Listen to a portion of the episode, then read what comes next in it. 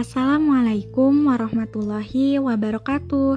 Halo adik-adik, pada pembelajaran kali ini kita akan belajar mengenai hak dan kewajiban terhadap tumbuhan.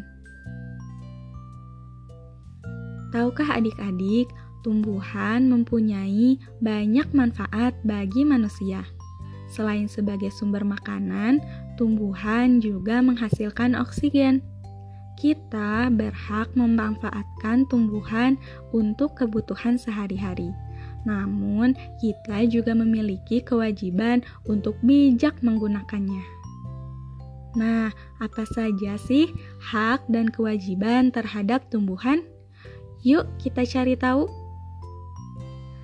Hak terhadap tumbuhan. Yang pertama, kita berhak memperoleh oksigen untuk bernapas. Yang kedua, kita berhak memperoleh sumber pangan dari tumbuhan seperti padi, sayur-sayuran, dan buah-buahan.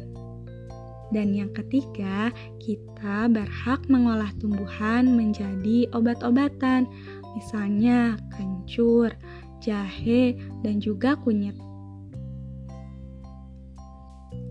Kewajiban terhadap tumbuhan. Yang pertama, kita harus memelihara tumbuhan, memberikannya sinar matahari yang cukup.